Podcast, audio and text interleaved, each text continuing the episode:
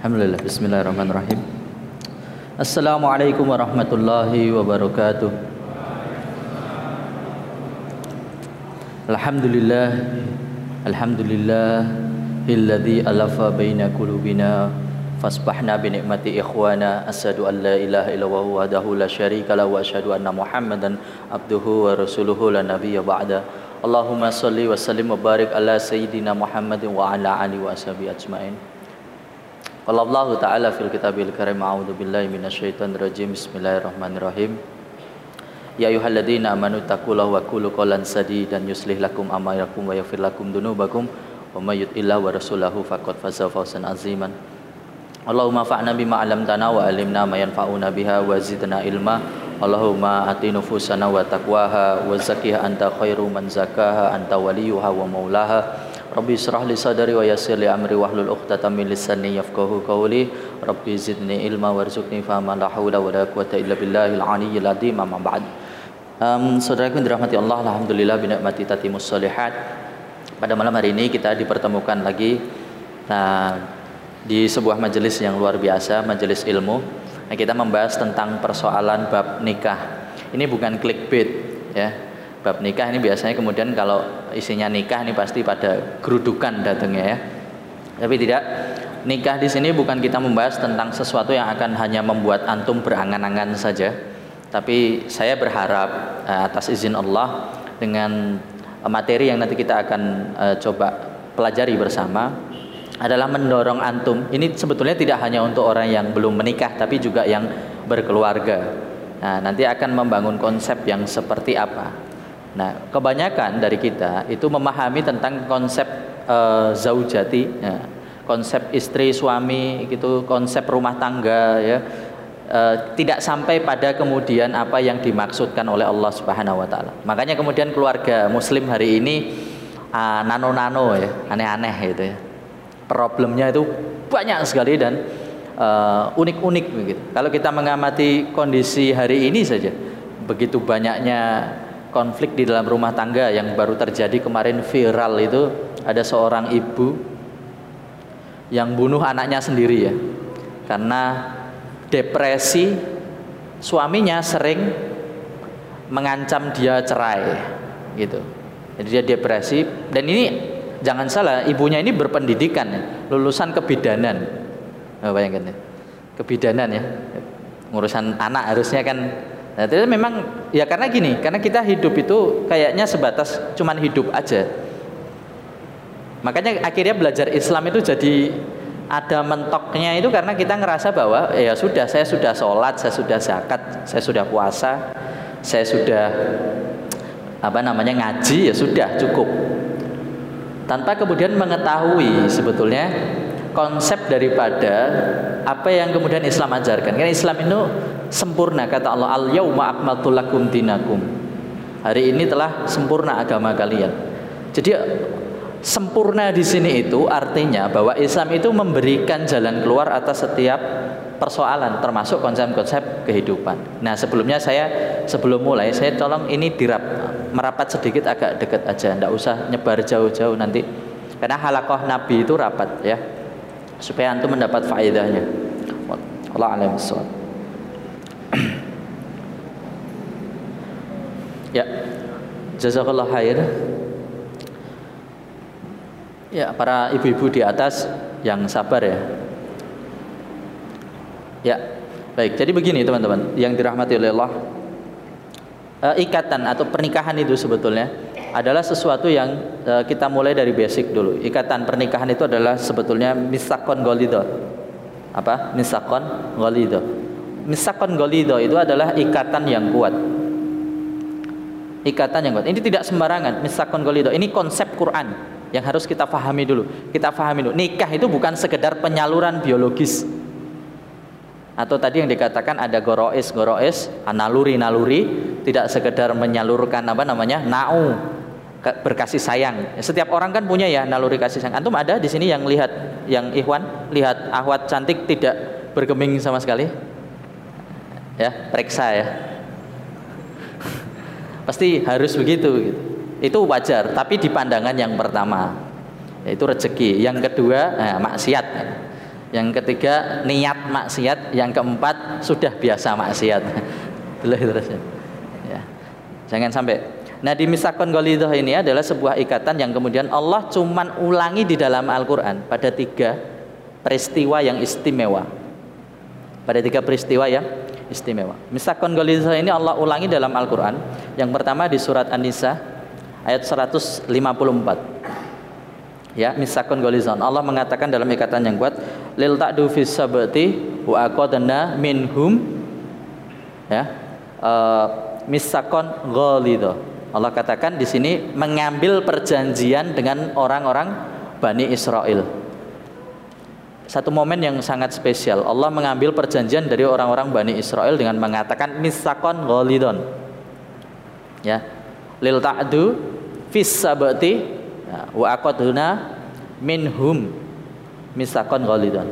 Yang kedua, Allah mengambil lagi perjanjian yang kuat di dalam surat Al-Azab ayat 7. Allah sampaikan di dalam surat Al-Azab ayat 7, A'udzubillahi minasyaitonir rajim. Misaqahum wa minka wa min Nuh wa Ibrahim wa Musa wa Isa ibnu Maryam ya wa aqadna min minhum misakon ghalidha Allah katakan di dalam Al-Quran surat Al-Azab ayat 7 Mistakon golizon itu diambil dari perjanjian Allah kepada para nabi Nabi-nabi ini nggak biasa nih yang disebut ini. Ya Nabi-nabi yang dapat kitab nih. Siapa aja nih? Nabi-nabi yang ulul azmi ya. Nabi-nabi yang diuji sudah tahan banting nih sudah luar biasa ini Pak. Dari uh, Nabi Nuh Nabi Ibrahim Nabi Musa Nabi Isa alaihissalam. Ibnu Maryam disebutkan di sini. Ini tidak sembarangan jadi pernikahan itu bukan perkara mudah teman-teman. Tapi nanti kemudian jangan mengatasnamakan ini terjadi wah uh, kalau gitu ntar aja deh nikahnya deh nunggu wisuda lah wisuda S3 gitu. salah salah entek eh. ya. Nah itu kemudian apa yang terjadi? Dan misakon golizon ini terakhirnya yang terakhir dikaitkan oleh Allah di dalam surat An-Nisa ayat 21 ini ada tiga yang tadi di surat berapa? An-Nisa 154 yang kedua An-Nisa eh sorry Al-Azab ayat 7 dan yang terakhir di surat An-Nisa ayat 21 Allah berfirman A'udzubillahi minasyaitonirrajim Bismillahirrahmanirrahim. Wa qad afdal ba'dukum illa ba'dim wa aqadna minkum ya mistakon golida jadi Allah mengatakan kepada orang-orang yang menikah Allah mengambil perjanjian dari kalian. Makanya kenapa setiap orang itu kalau nikah salaman saya terima nikah dan kawinnya itu arosnya Allah bergetar. Enggak sembarangan akhi. Enggak sembarangan. Jadi hari ini kalau terus ada yang viral hamil duluan terus bangga terus nikah ya ini ya biarlah mungkin bukan muslim ya. Untung bukan muslim. Muslim nggak? Saya nggak tahu agamanya. Nggak ya? Yang viral itu loh. Yang hamil duluan terus bangga itu. Ya summa naudzubillah dalik. Ya karena tidak memahami bahwa ini konsep perjanjian yang kuat terhadap Allah. Misakon itu. Perjanjian yang kuat yang di yang setara dengan perjanjian ketika Allah mengambil sumpah kepada orang-orang Bani Israel dan kepada para nabi. Terus kemudian mas-mas ning kene iki nekoni mbak-mbak yang di atas terus minta sama orang tuanya. Terus kemudian apa namanya? berakad saya terima nikahnya wa tu nikah itu ikatannya sama ketika Allah mengambil perjanjian dengan para nabi makanya sampai-sampai arrosnya Allah bergetar ketika seseorang laki-laki menyebut perjanjian di hadapan seorang wali untuk mengambil hak perempuan. Karena tidak sekedar mengambil dia pulang ke rumah tapi mengambil keseluruhannya ketaatannya dosanya kemaksiatannya ketidakpatuhannya. Semua dosa itu kalian yang tanggung. Muhammad ya nanggung dosa DWW ngeluh. Gusti Allah aku ikon nganggung ini. Tapi kemudian bukan kemudian antum terus lantas nggak berani nikah, jangan begitu. Nikah ini akhirnya kemudian diilmui. Makanya tema pernikahan ini adalah tema yang termasuk uh, istimewa sekali, yang Al-Quran kemudian uh, melihatnya sebagai sebuah uh, satu tahap di mana kita itu harus meneruskan peradaban. Kasihan kan kalau orang-orang baik kayak gini jumlahnya sedikit. Ya, menikahlah Ben anak aku pengen ngaji ngejak anak kan akeh orang-orang beriman tuh dan Rasulullah akan sangat bangga dengan para wanita yang anaknya banyak. Jadi ojo kabeh diapusi. Lo tenan nih. Lo iya nanti Rasulullah SAW itu akan membanggakan para wanita yang banyak anaknya. Siapa yang dibanggakan Rasul? Gen Halilintar. Loh iya kan? Anaknya banyak. Sekarang saya tanya, maaf nih, maaf, maaf ya. Ini nothing tulus ya, no offense. Kita nggak nggak nyakitin ya. Kita mau tanya aja ngomong. Nah, contoh lah saya aja lah, nggak usah antum. Saya ini dua bersaudara aja. Saya sama adik saya. Saya punya adik. Ya, saya punya adik. saya tanya, saya dua adik. Hidupnya susah kami nih. Susah. Anaknya berapa? Du, dua anak. Kenalin berapa? Sebelas. Sultan semua, tahu enggak? Terus ada yang bilang banyak anak itu banyak ya enggak bukan. Yang enggak mau punya banyak anak itu alasannya banyak anak itu banyak be beban. Enggak gitu loh. Karena masing-masing tiap kalian itu akan diberikan rizki oleh Allah. Nah kalau anaknya 11 itu rizkinya 11 dikali bapak ibunya berarti 13 orang. Cuman masalahnya adalah kadangkala kita ini kan tidak memahami konsep banyak anak dulu. Ya kan? Yang kita lihat itu adalah ngomongnya realitas saja. Betul nggak? Realitasnya saja, faktanya saja kita lihat ya. Betul ya? Sekarang saya tanya sama antum, gimana caranya antum masuk surga? Ada yang sudah pernah ke surga? Mbak di atas, Bu. Ada yang sudah pernah ke surga? Enggak. Tapi pengen ke surga? Pengen ya? Terus caranya gimana? Saat ini saya tanya, saat ini, saat ini saat ini. Antum melihat nggak surga itu? Secara dohir ya, secara dohir ya. Kalau ini memang majelis ini taman surga nih, ini Rodotul Jannah nih. Tapi yang kita tanya surga benerannya, pernah lihat nggak? Nggak ya. Cuman dikisahkan di dalam Al-Quran dah di surat Ar-Rahman itu ada ya, surat Waqiah, eh surat Al-Mulk, ya. Semua orang menginginkan jannah, jannatun naim, ya surga yang sangat indah itu. Nah, cuman pertanyaannya adalah, kan kalau sekarang kita belum bisa lihat nih, belum bisa lihat. Nah, antum bisa seyakin itu pingin surga. Orang beriman itu pingin banget surga, padahal belum pernah ke sana. Nggak ada yang selain Rasulullah SAW belum ada yang pernah melihat ke sana. Cuman khobar saja, kabar saja. Nah kenapa ketika kita ngomongin rizki sama-sama goib nih? Nggak seyakin itu. Ketika ngomongin jodoh, baru ditolak 16 kali sudah putus asa. Lu saya ada loh orang DM saya itu bilang, ah semua cowok sama kata dia. Ahwat yang dia. Lu kenapa ini saya tahu kaget. Saya coba ta'aruf, nyatanya ta'aruf juga sama saja lihat fisik. ya kalau nggak lihat fisik itu namanya dukun. Ya lihat fisik lah saya bilang gitu. Enggak apa-apa, lihat fisik nggak dilarang Nabi kok. Nah kalau orang kayak saya itu terus gimana dapat jodohnya? Saya ini punya apa dia cerita tuh ada kelainan di ini tulang belakangnya, ada pennya gitu dia bilang ada pen. Ya masya Allah saya bilang yang lebih ngeri lagi dari antum tuh ada, tidak punya kaki, tidak punya tangan ya kan? Pernah lihat yang di TV itu viral? Punya suami nggak tuh? Punya istri normal ya badan? Ada yang punya istri normal bahkan. Terus saya bilang, saya pakai contoh itu. Anti ini, afwan gitu saya bilang, anti maaf. Anti ini hanya kurang usnuzon aja sama Allah. Lo anti baru diuji belum punya suami berapa apa nyari ikhtiar nyari itu baru berapa tahun. Nabi Ibrahim tuh pengen anak 90 tahun. Nabi Ayub ditinggal pas lagi sayang-sayangnya. Loh iya, Nabi Ayub ditinggal istri sama anaknya kan kena sakit. Itu lebih sakit loh daripada antum ditolak eh, waktu taruh. Lo antum nikah kaya, ganteng, wanitanya, oh mas Begitu antum sakit, jelek mukanya, bau pula.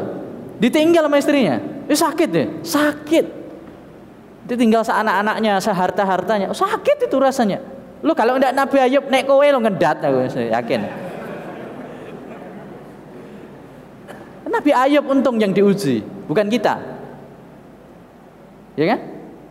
Makanya kemudian apa namanya?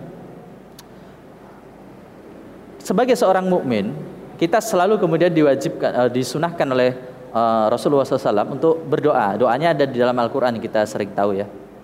Walladina yakuluna Rabbana hablana min azwajina wa dzurriyyatina qurrata ayun waj'alna lil muttaqina imama. Itu doanya. Di dalam surat Al-Furqan ayat 74. Itu doa itu adalah doa di dalam Al-Qur'an.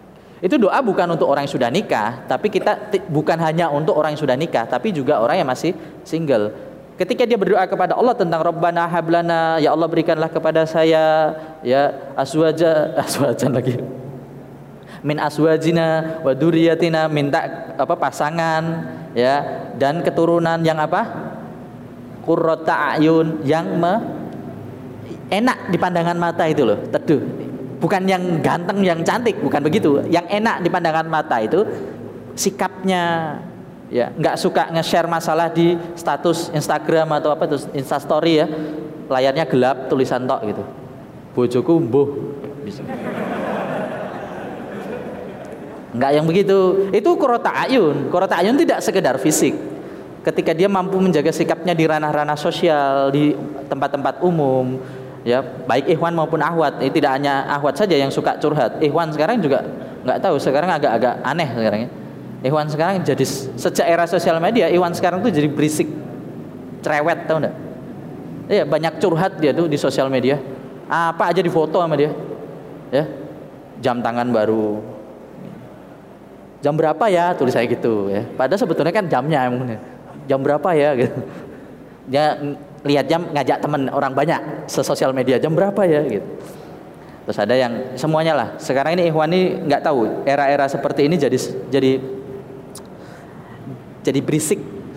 Harusnya para Ikhwan ini fokus cari ilmu cari rizki nafkah biar nanti bisa nikah sama wanita yang diidam-idamkan malah kontraproduktif membuat sesuatu di tempat-tempat yang enggak ya tadi saya bilang antum banyak banyak tabzir tahu mubazir ya banyak sekali hari ini. Orangnya banyak sekali hari ini. Saya tanya di sini yang usianya di atas 27, 26 tahun. 26 tahun ngacung. Ya. 26 tahun, 26 tahun. Ahmad juga loh, 26 tahun. Belum nikah. Ngacung. 26 tahun dan belum nikah. Di atas 20 tahun deh yang belum nikah.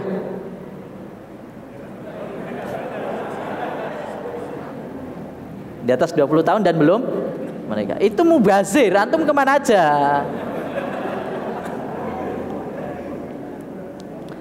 Lo bener, saya kenapa saya bilang itu mubazir antum ke mana aja? Ini saya bukan ngomporin antum, tapi biar antum merenung, ya merenung. Antum belum bisa ngambil tanggung jawab ini, padahal dalam Al-Quran standar nikah. Ini, ini Al-Quran saya bilang, bukan standar saya, bukan standar Kementerian Agama. Ini standar Al-Quran, ya. Dalam surat An-Nisa ayat 6, "Wabtalul yatamahata idza balagh balagul nikaha." Jadi kemudian dikatakan di sini di surat An-Nisa ayat 6, "Wabtalul ya dan nikahkanlah yatama orang-orang anak yatim itu, ujilah mereka yatama ya, hatta idza sampai kemudian mereka itu balagul nikaha. Siap untuk nikah. Eh nikah ini menarik nih. An nikah Kemudian di kalau antum melihat dalam tafsir, ini para mufasir ini hampir semuanya sepakat. Jalan lain Ibnu Kasir, kemudian ada uh, uh, Imam Al-Qurtubi, kemudian ada uh, apa namanya Ibnu Abbas. Tafsir ini mengatakan tentang an-nikah, uh, tentang balagul, balagul ya. Batasan kapan seseorang itu pantas nikah? Di tafsir itu dikatakan apa coba? Al-bulugul. Nikah itu artinya al-bulugul. Apa bulugul tuh? Hah? Balik. Balik berapa dalam Islam? Hah? ada yang baliknya 19 tahun di sini. Nikmat sekali antum, ya. 19 tahun nggak dihisap antum. Normalnya orang balik berapa? Ada yang 11. Cepet banget antum. Ya rata-rata ya kita ambil 14 sampai 15 tahun. Ya 14 sampai 15 tahun. Itu usia-usia apa di kita nih hari ini kalau 14 sampai 15 tahun tuh? SMP. Nah, SMP antum paling mikiri gambar tuh, dolanan ya. Dalam Islam 3, 14 sampai 15 tahun diterangkan dalam surat An-Nisa ayat 6 nih dalam tafsirnya Imam Al-Qurtubi juga eh, tafsirnya Ibnu Katsir itu dijelaskan bahwa usia segitu tuh sudah masuk usia boleh nikah. Mau bukti? Nah, tak kasih. Anak Nabi langsung, siapa? Sayyidatuna Fatimah. Binti Rasulillah. Usia menikah adalah 15 setengah tahun dalam uh, dalam kitabnya Imam Az-Zahabi. Dikatakan Fatimah itu menikah 15,5 tahun, 15 setengah. Ya, 15 jalan 5 bulan. Ya. Ada yang berani bilang di sini, ini bahaya ini. Menikah usia muda rawan Ada yang berani bilang begitu? Dari karena kita ini jauh dari konsep Quran. Ini saya dudukkan dulu persoalan nikah. Antum berapa tadi 20? Ada yang sampai 27, 30 tahun ada Sungguh Anda mubazir kan Ya, mubazir antum. Kenapa begitu saya bilang? Karena antum kalau belum selesai dengan urusan nikah, antum tidak akan pernah siap bahas urusan umat. Urusan yang lebih besar lagi. Para wanita kalau belum selesai dalam urusan pernikahan, belum bisa kemudian dia menjadi seorang wanita yang benar-benar muncul jiwa kasih sayangnya, membangun peradaban. Lu ibu itu arsitek, Kata Nabi SAW, Nabi itu melihat para wanita itu seperti kumpulan arsitek peradaban. Karena dari mereka nanti lahir anak-anak yang akan kemudian membangkitkan agama ini membangun peradaban. Jadi Islam kalau difahami cuma sekedar ibadah kurota ayun wa ja'alna lil mutakina imaman tadi. Lah mutakina imama ini kemudian harus dimaknai sebagaimana ketika anak-anak yang lahir dari rahim-rahim para wanita itu para muslimah itu adalah pemimpin. Doanya kan begitu. Lil mutakina ima imama pemimpin di antara kami. Pemimpin ini nggak sembarangan gitu loh.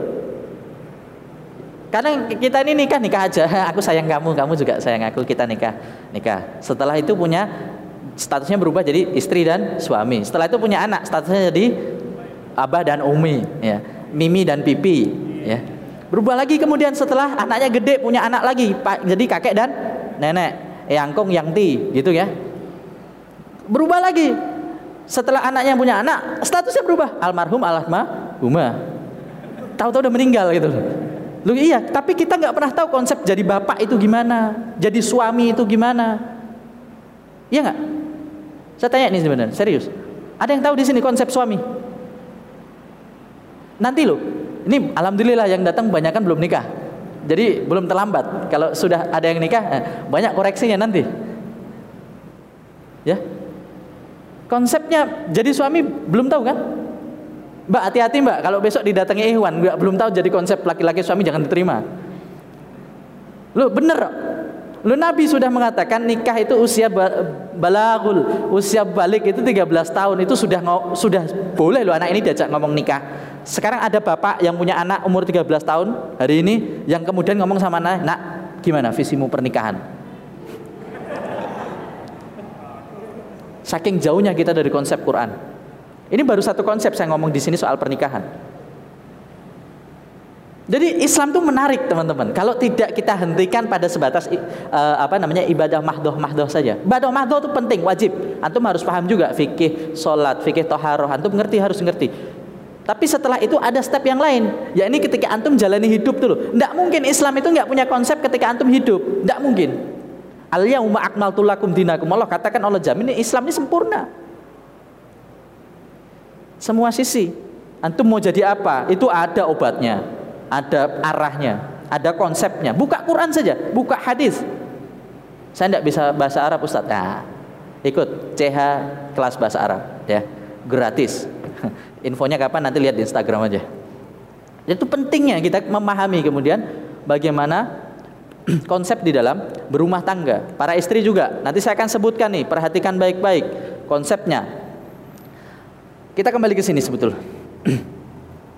Bagaimana kita kemudian memahami tentang ayat Allah Subhanahu wa taala di dalam surat An-Nisa ayat 34. Dalilnya sangat sangat apa namanya?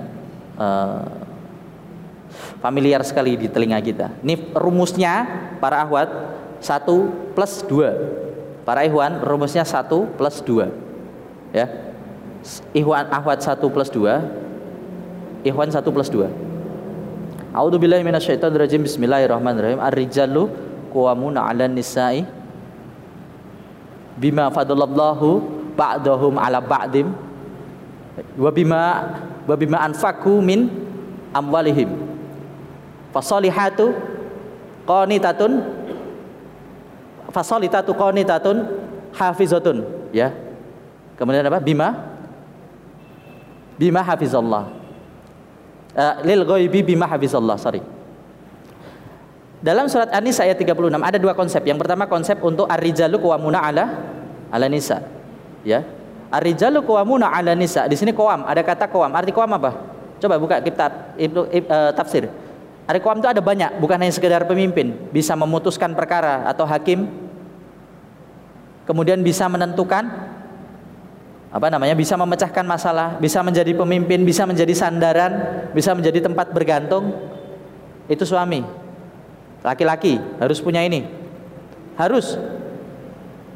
Cirinya itu para awat perhatikan kalau ada laki-laki nggak bisa dibuat sandaran, tidak bisa dibuat bergantung, nggak bisa mimpin, tidak bisa memutuskan persoalan, tidak berani mengambil resiko. Hati-hati rumah tanggamu nanti. Hati-hati. Nah cara dari jadi koam ini ada dua syarat yang pertama tadi. Yang dua apa yang, yang pertama tadi? Fadallahu ba'dahum ala ba'dim. Kalian tuh punya kelebihan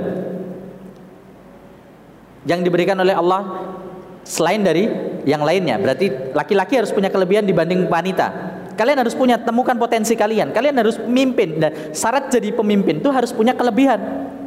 Apa kelebihan kalian? Datang ke mertua calon mertua. Kerja kerjanya apa mas? Alhamdulillah fokus nganggur pak.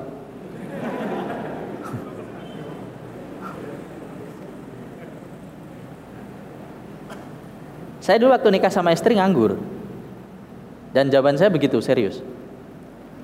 Keterima karena bukan itu. Nah, nanti saya kasih tahu para ahwat gimana supaya bisa tahu potensi seorang laki-laki ke masa depan. Di masa depan, potensi laki-laki itu seperti apa biar bisa dinikah. Jadi gini, jangan cari suami yang keunggulannya hanya bertahan 5 sampai 10 tahun saja. Tapi kebalikannya, 5 sampai 10 tahun nanti dia bisa jadi apa di masa depan? Cara lihatnya adalah ini, fadallallahu baina apa fadallallahu apa namanya? Ba'dahum ala ba'dim. Tahu kelebihan antara ikhwan ini yang diberikan oleh Allah kepadanya. Apa kelebihannya? Coba dilihat para ahwat. Ini orang nih cowok nih kelebihannya apa sih? Selain berat badan. Antum lihat. Yang kedua adalah syarat pemimpin adalah Nah, tentu anfakumin amwalihim. Dia menafkahkan hartanya kepada si istrinya.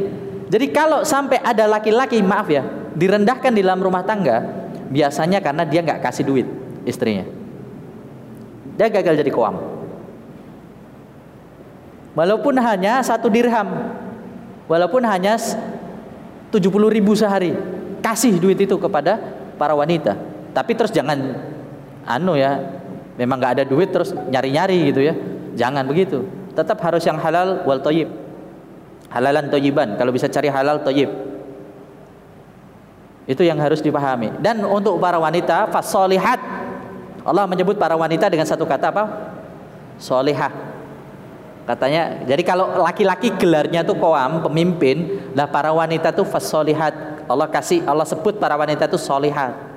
Solihah apa itu? Ada dua syaratnya. Ini para ikhwan perhatikan. Ada dua syaratnya. Yang pertama tadi apa? Konitat. Apa konitat? Tunduk, taat kalau perempuan, antum mau nikah nih, mau bikin keluarga yang nanti nggak akan ada masalah kayak di keluarga lain. Konsepnya ini. Para ahwat perhatikan, konitat, taat, tunduk kepada Allah dan suaminya. Karena ketaatan kepada Allah dan suaminya untuk wanita itu wajib. Bahkan orang tua si wanita itu kalah sama suaminya. Kalau antum dapati seorang wanita itu susah tunduk dengan pria ketika mungkin antum lagi taaruf kan, kemudian mengenal, kemudian mulai agak tahu nih sifatnya. Dia dia nggak taat ternyata susah ternyata diatur. Kalau antum siap membina silahkan. Susah loh. Makanya para ahwat kalau mau harganya mahal, justru bukan dengan apa ya sekedar men, sekedar bakok menunjukkan aktualisasi dirinya bahwa ini loh saya tuh juga cerdas kayak kamu. Enggak. Bukan berarti wanita konat apa namanya konaat itu bukan berarti wanita yang kemudian bodoh. Makanya biar tidak jadi wanita yang seperti itu walaupun tunduk dan taat maka cari suami koamnya yang tinggi standarnya. Jadi wanita yang tunduk dengan pria yang punya koam kan keren Ya sudahlah prianya dapat pria nggak punya koam, koam di masyarakat, di rumahnya sendiri di masyarakat nggak punya koam, istrinya suruh tunduk sama dia kan lebih lebih sangar meneh nek ono.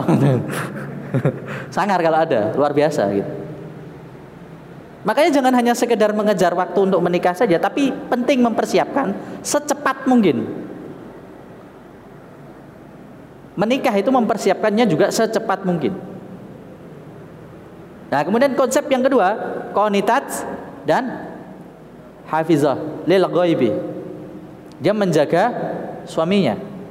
Dia menjaga harga dirinya, dia menjaga dirinya karena tersebab Allah menjaga suaminya di luar sana. Jadi kalau istri, para istri menjaga dirinya di dalam rumah dengan baik. Wa qarna fi buyutikun wala tabarrujna tabarrujal jahiliyatil ula. Allah katakan dalam surat Al-Azab ayat 96, Allah sampaikan Wakorna fi buyutikun katakan kepada istri-istri kalian, perempuan-perempuan kalian, saudara-saudara kalian perempuan, ya. Menetaplah di rumah-rumah kalian. Wakorna fi buyutikun. Wala tabarrujna tabarrujal jahiliyatil ula dan jangan berpenampilan tabaruj berlebih-lebihan. Uh. Foundationnya segini nih. Gitu. Gak usah. Kamu cantik kok apa adanya. Ya. Jadi gitu. Sampaikan kalau katanya di meme-meme itu kan cantiknya karena air wudhu ya. Uh, oh gak dihapusi, genrak perawatan ya. Nah itu dia sebetulnya konsep menikah yang kita kemudian fahami tentang rumusnya satu plus dua dan satu plus dua. Seorang laki-laki harus menjadi koam dengan dua syarat. Dia harus memiliki kelebihan dan dia harus bisa menafkahi istrinya. Ini koam. Ya. Kalau antum tidak punya ini, lihat rumah tangga pasti akan berantakan. Pasti. Tapi coba konsep ini kamu jalankan. Para wanita, ko konitat taat tunduk sama suami dan hafiz ya um, menjaga diri coba praktekkan itu nanti kalian akan mendapati sesuatu yang janggal di rumah kalian apa itu yang janggal di rumah tangga itu kalian tidak menemui masalah yang ada di masalah rumah tangga orang lain. Hari ini seperti itu soalnya. Karena banyak kemudian orang tidak memahami konsep ini. Dia nggak pernah puas dengan suaminya. Ada ada istri yang tidak pernah puas dengan suaminya. Ada suami yang tidak pernah puas dengan istrinya. Ketika ditanya dulu waktu nikah milihnya gimana? Ya karena sayang sih. Sayang katanya. Makan tuh sayang. Lu kita ini lebih senang diberi harapan indah, Mas. Kenangan indah daripada diberi komitmen. Yang penuh perjuangan. Eh, sayang itu urusan jalan sambil nanti antum akan dapati jiwa-jiwa kepemimpinan laki-laki itu yang awalnya kamu lihat tidak meyakinkan itu ingusnya keluar samping gitu. bajunya tinggi sebelah ya kalau ngomong gagap-gagap Kemudian atau kamu lihat para wanita ya masih ya kerudungnya sama bajunya tuh besar sekali, badannya kecil. Kalau kamu lihat begitu tuh, lihat potensi dalam dirinya. 10 tahun lagi kamu nggak tahu orang yang Mbok nikahi ingusan tuh ternyata orang yang kemudian mempengaruhi peradaban. Karena dia paham konsep, dia belajar. Saya mau cari yang sudah jadi aja. Ya nggak apa-apa, cari aja yang sudah jadi. Yang jadi mau nggak sama situ? Kan itu pertanyaannya. Kita ini harus menakar gitu loh. Dan salah satunya mencari jodoh itu sesuai salah satunya kata Nabi adalah lingkungannya. Di mana kita tinggal. Maka ketika itu ada pertanyaannya begini, ada pertanyaannya adalah, lah kalau saya belum saya mau nikah sih, tapi sulit duitnya gimana gitu kan nggak murah ya ngundang via Valen. Hari ini kan nikah yang mahal dangdutnya ya dangdutnya. Antum e, orang nikah itu yang dipikirin gimana nih biar ada panggungnya depan rumahnya. Ya jadi susah sekarang itu orang mau nikah. Ya yang dipikirin gimana nih padahal sederhana saja seperti warung makan. Antum mau nikah tinggal pakai sewa warteg warteg ya. Antum beli makanannya antum hidangkan begitu. Sudah selesai nikah akad selesai walimah selesai. Tapi menjadi rumit hari ini karena ada ada nginjak telur ada mukul bantal ada giles botol dan sebagainya lah saya nggak ngerti itu. Panjang. Eh, saya menghormati itu itu budaya di kita nggak masalah. Dan selama tidak syirik serah saja. Tapi kalau itu memberatkan tolong. Maka tanggung jawablah sama orang-orang yang menginginkan ada itu di pernikahan. Tanggung jawab biaya itu Selama nggak ada kesyirikan silahkan saja. Allah alam ya silahkan saja. Saya tidak tidak mau berurusan dengan itu. Tapi kalau gara-gara itu nikah jadi lama, dosa pak. Dosa. Ibnu Qayyim al Jauzi itu pernah nulis satu kitab. Di situ dikatakan beliau tentang apa nama? Tuhfatul Maulid nama kitabnya. Jadi beliau mengatakan kalau seseorang itu laki-laki nikah seorang anak sudah ngomong sama bapaknya pengen nikah pak. Aku pengen nikah pak. Pengen rabi. Lah kue SMA rung. Lulus kok. Sing penting rabi sih pak. Lu maaf ya maaf ya. Ini terjadi kesalahan. Benar terjadi kesalahan. Orang kita itu kalau ngomong nikah dianggapnya mundur. Sing mbok kayak kok selangkangan we kan ngono? Eh betul ya Salah itu konsep seperti itu buang jauh-jauh saya bilang. Tadi saya bilang kalau antum nggak selesai urusan rumah tangga, antum nggak pernah jadi pemimpin, antum terlambat terus jadi pemimpin. Coba antum tanya sekarang bos-bos kalian tuh, tanya dia, Pak dulu nikah umur berapa? Kenapa? Karena karena apa namanya miniatur kepemimpinan itu di dalam rumah. Antum 28 tahun masih sendiri pantas antum masih pegawai. Maaf nih, saya nikah muda juga jadi pegawai. Karena nggak belum paham konsepnya. Rijal kuamuna ala nisa. Belum paham konsepnya. Dia harus menjadi dia harus punya dia harus tahu potensi kelebihannya dan dia harus bisa menafkahi istrinya secara layak. Istrinya pun begitu. Dia harus bisa dia harus bisa tunduk dengan suaminya dengan kondisi yang seperti apa pun taat dengan suaminya dengan kondisi apa pun dan dia bisa menjaga dirinya. Ya, ini harus ketemu gitu loh konsep ini. Nah makanya kemudian tadi apa namanya? Ketika seseorang itu sudah beres urusan pernikahan, dia sudah bisa ngatur. Tapi syaratnya tadi jangan pulang dari sini terus antum pada minta nikah semuanya. Ya. Syaratnya tadi di kitab Tufatul Maulid kata kata Ibnu Qayyim Al Jauzi dia mengatakan uh, Kalau kamu itu mau nikah, ada anak laki-laki minta nikah sama bapaknya, maka wajib hukumnya bapaknya ini menikahkan si anak. Wah, wajib. Itu pendapat itu Qayyim Az-Jauzi. Wajib hukumnya menikahkan anak yang minta dinikahkan. Ya, yang punya anak laki atau perempuan yang nanti bilang sama orang tuanya, "Pak, nikahkan saya wajib hukum."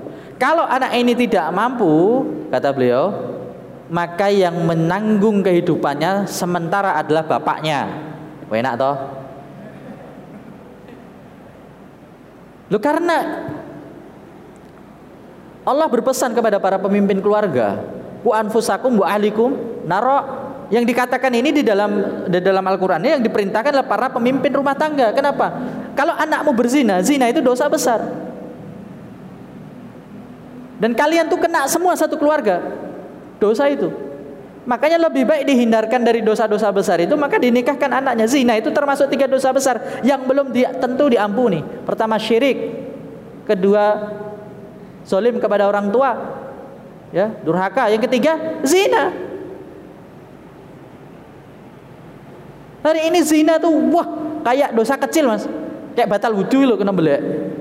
Zina tuh seperti itu sekarang hari ini. Naudzubillah min dalik. Subhanallah. ini yang harus kita benahi. Kenapa? Karena lu antum pernah nggak dengar berita anak 13 tahun ya memperkosa seorang anak SD? Anak 13 14 tahun menik apa menikah lagi. Apa memperkosa terus kumpul kebo dan sebagainya. Antum pernah dengar berita itu? Gimana itu bisa muncul? Ya karena tadi konsepnya sudah dikatakan usia seperti itu tuh sudah masuk namanya ba'ah. Ya maksiral sabab manis tato'a minkumul ba'ah fal yatazawat kata Nabi, "Hai para pemuda," kata Nabi. Ini seruan khusus para pemuda. Kalau kalian itu sudah ba'ah, sudah mampu, nikahlah. Tidak ada pilihan lain. Tidak ada pacaran lah. Mengenalilah. Sampai kenal. Sampai akhirnya putus kalian. Bukan begitu, nggak ada. Pilihannya dua, nikah, puah, puasa. Di sini siapa yang puasa? Sini puasa?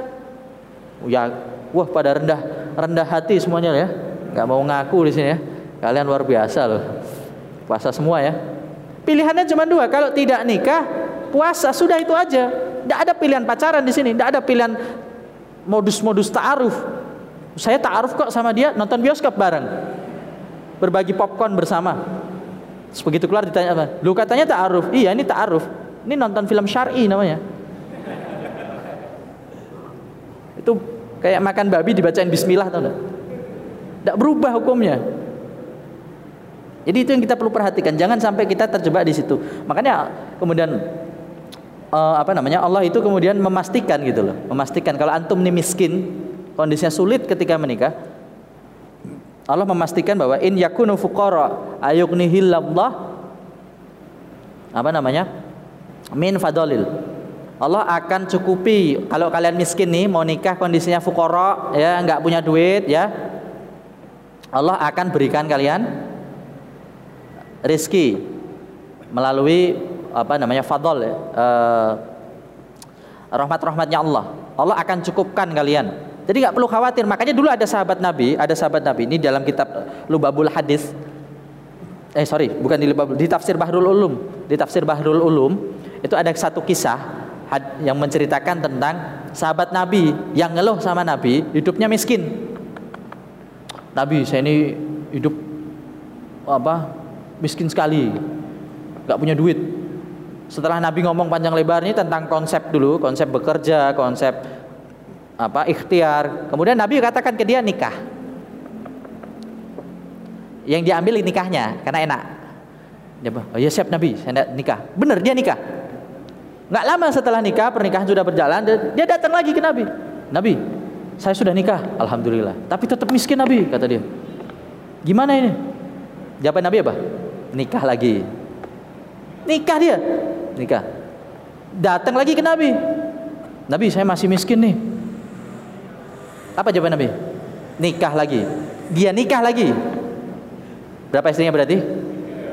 Dia balik ke Nabi Nabi. Dia katakan apa? Nabi, saya masih miskin belum kaya. Kata Nabi, nikah lagi. Kemudian dia datang lagi ke Nabi dan dia nikah. Dapat berapa berarti istrinya? Nah, di istri yang keempat itu dia beneran kaya. Ternyata istrinya itu punya kemampuan menenun. Menenun. Setelah menenun itu, dia ajarkan ke tiga istrinya yang lain. Jadi punya empat rumah produksi.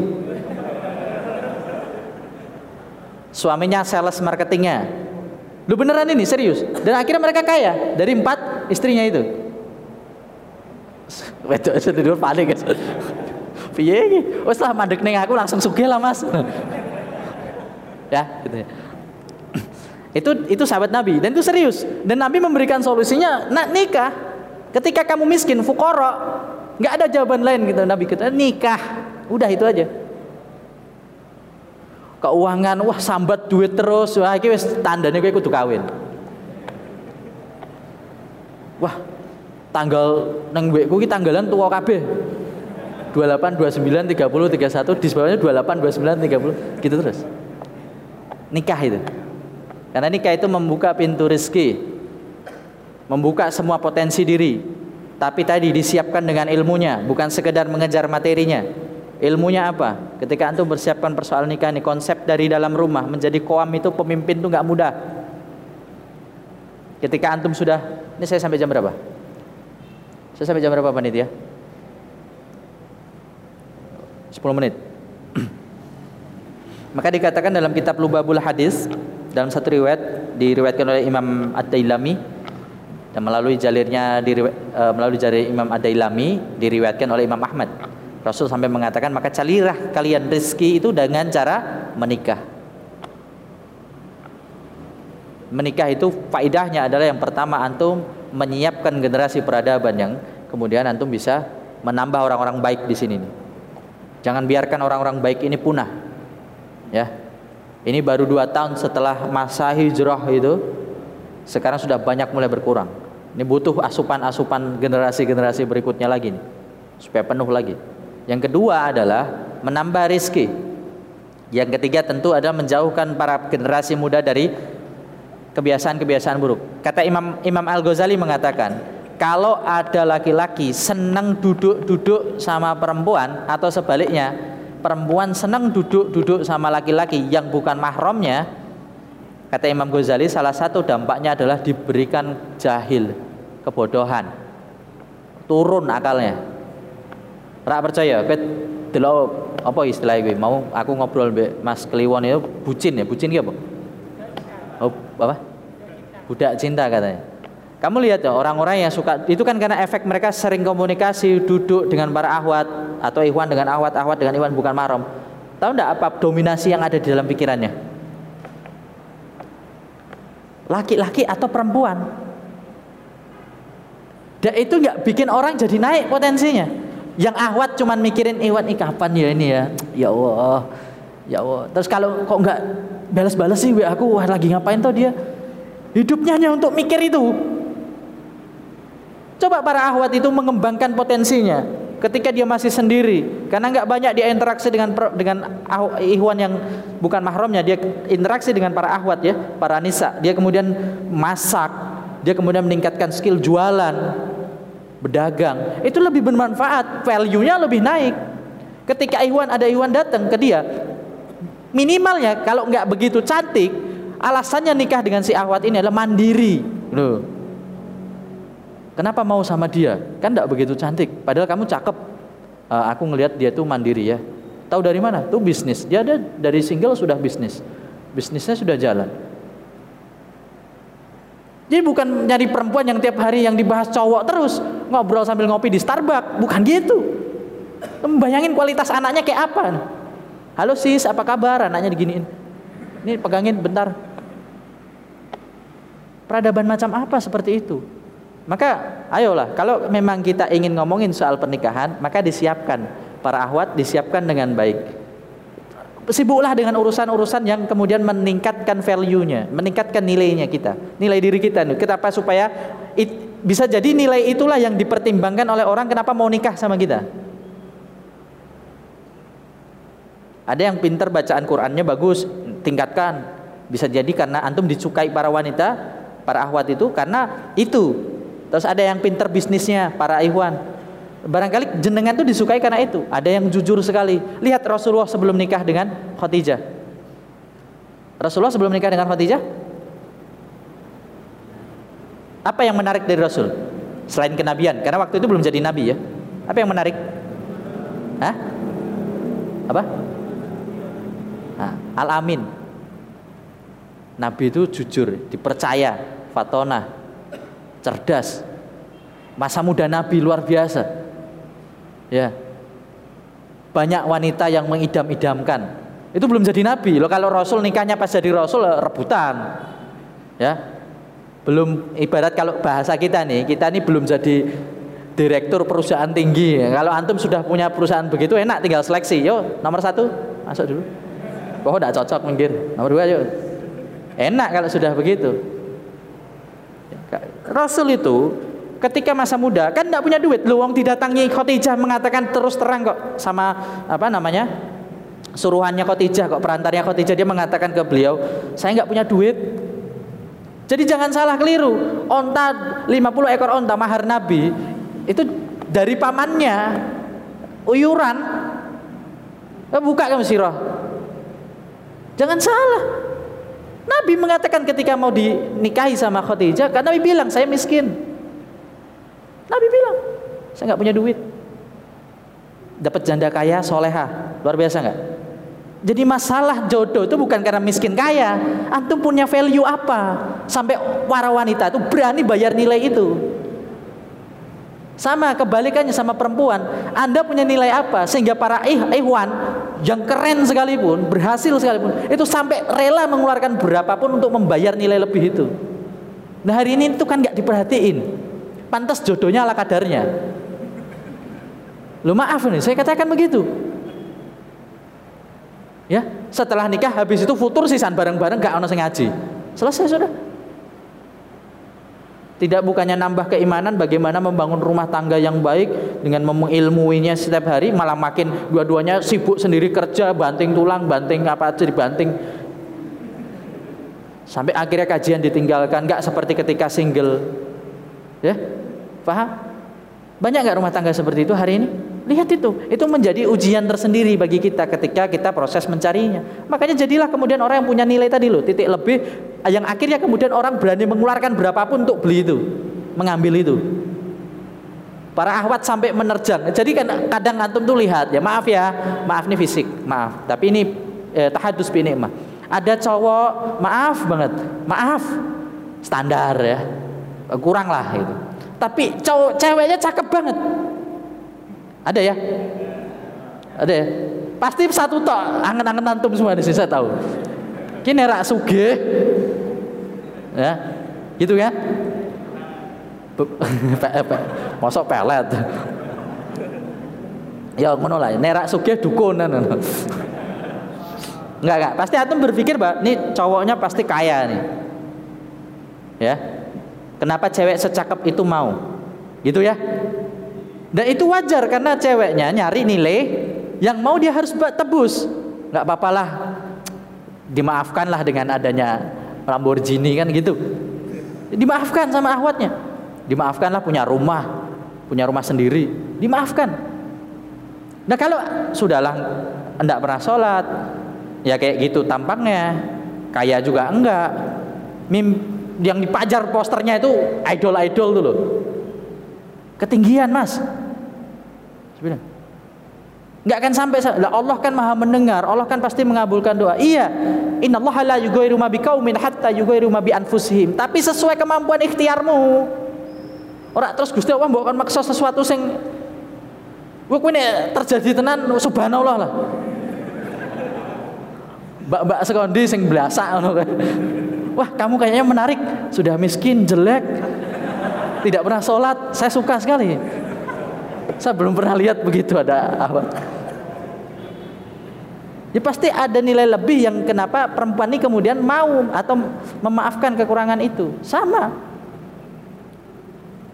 Gitu loh. Jadi itu kembali kepada di situ. Baik, waktu saya tinggal 5 menit ya. Ya nanti tanya jawab sajalah. E, jadi sebetulnya pada konsep yang di awal ini saya jelaskan bahwa Saya mau tutup dengan ini kalimatnya Ibnu Mas'ud. Ini sebetulnya didoifkan oleh para ulama, tetapi ditulis juga di dalam uh, apa sebuah hadis. Ibnu Mas'ud itu pernah mengatakan begini, la takunu ima'ah. Jangan kalian tuh suka ikut-ikutan. La takunu ima'ah. Jangan kalian tuh suka ikut-ikutan. In ahsana nas ahsana. Kalau orang-orang berbuat baik, kalian ikut berbuat baik wa in asa annas asa'na. Kalau orang-orang berbuat buruk kalian ikut-ikut berbuat buruk. Ini perhatikan para wanita kalau ada laki-laki suka jadi follower ngikut-ngikut kayak gitu jangan mau. Ini kalimat Ibnu Mas'ud mengatakan ojo kalian senengi melu-melu. Tahu ya maksudnya Ibnu Mas'ud ikut-ikut di sini tahu ya kalau orang berbuat baik, kalian jadi ikut berbuat baik. Maksudnya berbuat baik di sini itu bukan berbuat baik. Lu kan mencontoh yang baik harus diikuti, bukan itu maksudnya. Tapi kalian itu tadi saya bilang apa bahasanya? tren. Ada orang hijrah, antum ikut aja hijrah. Emang lagi zamannya guys, hijrah semua. Begitu sudah nggak menarik lagi, sudah capek, sudah bosan, pengen balik ke kehidupannya, apa yang terjadi? Dia berhenti berbuat baik. Kenapa? Karena dorongan berbuat baiknya karena ingin ikut-ikut temannya. Sama ketika ada orang berbuat buruk, kata itu maksud jangan ikut-ikut berbuatan gitu, hanya karena tren. Makanya tren itu bahaya. Sekalipun itu tren baik, tren menghafal Quran bagus sekali, satu hari satu juz, keren. Tapi kalau itu cuma tren, sebentar doang mas. Dan yang paling penting sebetulnya bukan trennya, tapi bagaimana menanamkan konsep itu supaya orang tuh utuh pemahamannya. Sehingga ketika dia mengerjakan sesuatu yang baik, menghafal satu hari satu lembar menghafal, itu karena dia punya keinginan dia sendiri, bukan tren. Jadi mau nanti ada trennya atau enggak, dia tetap di situ. Ini kajian, ada orang bikin taklim, datang ke taklim, bukan karena ngikut orang lain, bukan karena wah biar inilah di kota-kota lain kan juga pada kayak gitu. Jangan begitu. Tapi datanglah karena kebutuhan sendiri. Maka ketika kamu ingin dapati sesuatu itu di dalam kajian tersebut, maka kamu akan dapat sekalipun orang yang kamu dulu ikuti sudah nggak ikut. Itu kalimat Ibnu Mas'ud. Walau alam bisawab. Mudah-mudahan kita nanti bisa bahas tentang persoalan bagaimana punya anak, bagaimana punya jadi bapak, bagaimana jadi ibu. Nah, ke, ya, kelas lanjutan lah. Tapi mudah-mudahan itu yang bisa kami sampaikan.